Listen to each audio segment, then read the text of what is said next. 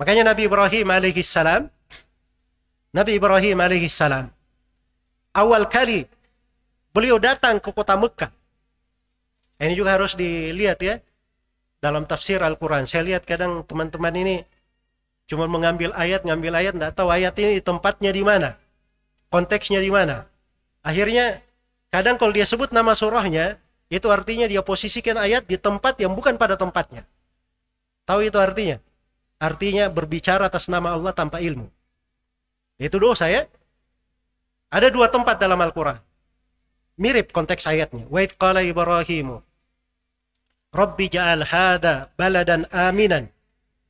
Ini ayat di surah Al-Baqarah. Di surah Ibrahim wa iqala Ibrahim Rabbi ja'al hadal balada aminan. Jadi surah Al-Baqarah itu baladan aminan. Baladan nakira tidak pakai al. Tapi kalau di surah Ibrahim hadal balada pakai al, al-balada. Nah, itu kata para ulama di surah Al-Baqarah itu itu doanya Nabi Ibrahim awal kali melihat Mekah.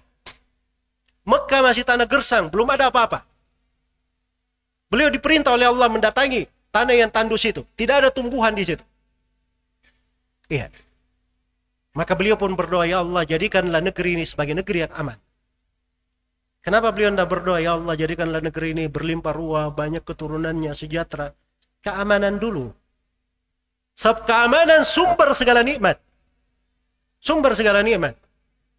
Makanya keamanan ini itu menjadi hal yang sangat besar. Allah bersumpah dengannya. Wattini wa zaitun wa sinin wa hadal baladil amin. Maksudnya Mekah. Ya. Dan Allah jadikan kenikmatan yang paling besar di sorga dengan nama keamanan juga. Innal muttaqina fi maqamin amin. Sungguhnya orang-orang yang bertakwa di kedudukan yang aman. Maksudnya di sorga. Dengan nama keamanan.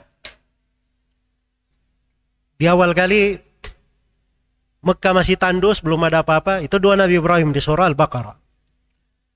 Kemudian Nabi Ibrahim diperintah meninggalkan istri dan anaknya. Meninggalkan kota Mekah. Setelah itu Nabi Ibrahim balik lagi. Di kedatangannya di, yang, di kali yang kedua, nah itu baru pakai al di situ sebab sudah jelas ada kotanya, ada negerinya. Wa qala Ibrahim rabbi ja'al hadzal balada amina wajnubni wa bani an na'budal asnam. Dan ketika Nabi Ibrahim berkata, Wahai Rob kami, jadikanlah negeri ini sebagai negeri yang aman. Dan jauhkanlah saya beserta keturunanku dari peribadatan kepada berhala. Jadi Nabi Ibrahim sangat sadar dua hal yang merupakan pokok tegaknya sebuah negeri. Yang pertama keamanan, dan yang kedua tauhid, memurnikan ibadah kepada Allah, tidak ada penyembahan kepada berhala. Itu pokok keamanan untuk sebuah negeri.